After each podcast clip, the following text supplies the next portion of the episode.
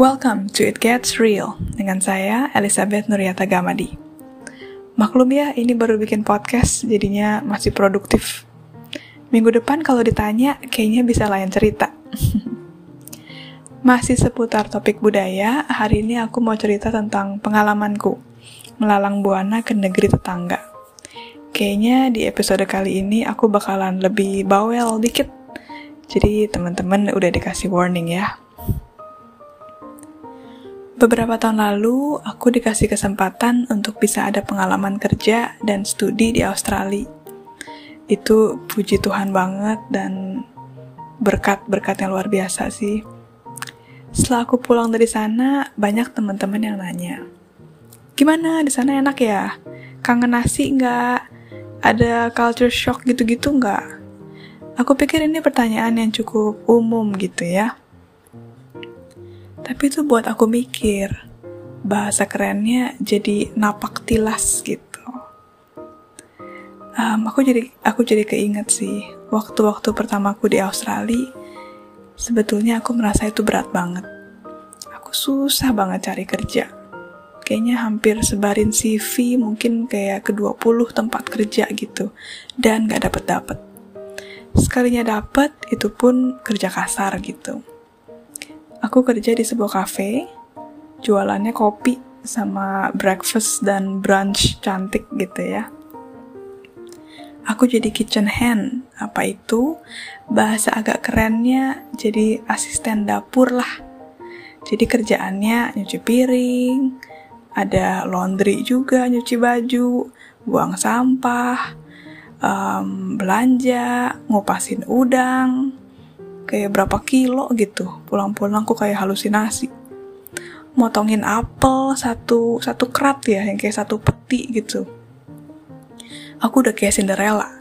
Sebelum dia yang ketemu ibu peri gitu ya. Jadi dipanggil-panggil disuruh-suruh terus kayak nonstop. Dan karena waktu itu juga kan baru nyampe susah ngomong um, jadinya kalau ngomong Inggris rada-rada gelagapan gitu ya jadi setiap disuruh nggak bisa nolak karena bingung ngomongnya gimana. Jadi cuma bisa ngomong, yes, yes, yes, yes, ngangguk-ngangguk terus. Ini kerjaan ternyata capek banget. Dalam 8 jam kerja, aku kayaknya hampir nggak pernah duduk. Kalau bukan waktu istirahat, itu pun kalau dapet istirahat. Dan hampir nggak sempet minum bahkan. Jadi pulang-pulang tuh selalu ngolesin obat anti pegel-pegel gitu ya. Aku nggak sebut merek lah. Aku kerja berapa bulan di sana, berotot bener tanganku langsung berotot-berotot. Sekarang sih udah memudar kayaknya ototnya. Dan saking capeknya sering ngerasa kayak mau nangis gitu tuh. Aku pikir ini emosi yang gak stabil karena kecapean fisik. Ternyata ada hal yang lebih dalam. Dan ternyata itu yang jadi culture shockku. Waktu itu aku baru lulus S1 di Indo dapat tawaran kerja dari beberapa tempat, secara sombong aku mulai ngerasa, oh gue gak bodoh-bodoh amat lah ya, kayaknya sampai ada tawaran gitu.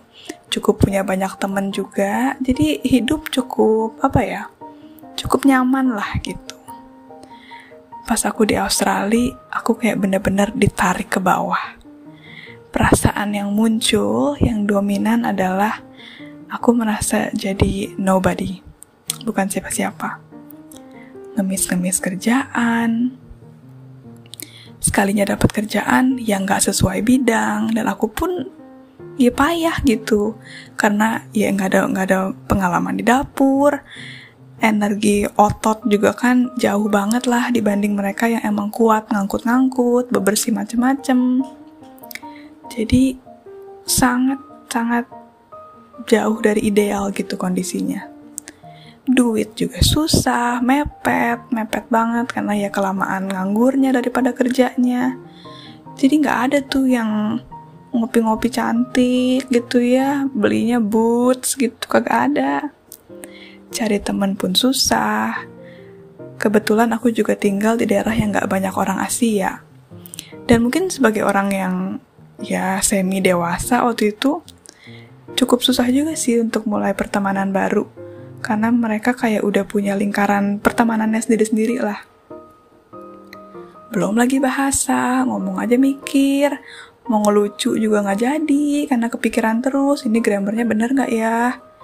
Jadi saat itu bener-bener ngerasa nobody karena ya alone dan nggak ada pencapaian gitu. Dan nggak dianggap dari mana-mana. Baru di situ aku sadar buatku ini nih culture shock yang sesungguhnya mungkin gak semua orang ngalamin kayak gini ya tapi aku agak berharap waktu sebelum aku berangkat ada nih teman-teman yang cerita lah soal struggle ini bahwa culture shock itu bukannya cuma kangen nasi, kangen semprotan WC gitu ya. Tapi ada loh hal-hal yang mendalam seperti ini. Dan yang paling berasa adalah itu, jadi nobody, di mana aku mulai lagi dari nol. Yang aku alamin waktu itu sering kali, yang mungkin terjadi juga sampai sekarang ya, ketika ada orang yang keluar negeri balik-balik ceritanya tuh happy gitu kan ya bawa barang-barang branded fashionnya jadi bagus gitu ya pokoknya keren banget. Seringkali nggak cerita nih behind the scene-nya yang masa-masa beratnya sering kali orang nggak cerita. Mungkin ini kenapa aku pengen share hal ini ke teman-teman sih um, karena poinnya meskipun berat banyak masa-masa terpuruk tapi ternyata ini jadi momentum yang luar biasa buat proses kerendahan hati. Aku pun sekarang masih bergumul terus gitu ya, jadi jangan pikir aku udah nyampe gitu tuh di proses itu, belum sama sekali. Tapi ternyata ketika kita jadi nobody, sendirian, gak dianggap, gak diapresiasi, gak ada hebat-hebatnya, ditolak sana-sini, ternyata kita bisa jadi lebih peka terhadap orang-orang lain yang dipandang sebagai nobody juga di sekitar kita gitu ya. Tapi bukan hanya bukan hanya itu, kita jadi lebih gampang bersyukur. Kita jadi lebih peka sama berkat-berkat yang terkesan kecil sekalipun. Dan aku pikir ini life lesson yang mahal, yang dibayar mahal gitu ya, karena prosesnya nggak enak, tapi sangat berharga sih. Thank you buat teman-teman yang ngedengerin. Semoga um, bisa bisa saling menguatkan bisa saling support gitu ya. Um, karena inilah proses kehidupan gitu di balik hal-hal yang pahit selalu ada hal yang manis sampai nanti di episode berikutnya guys. See you soon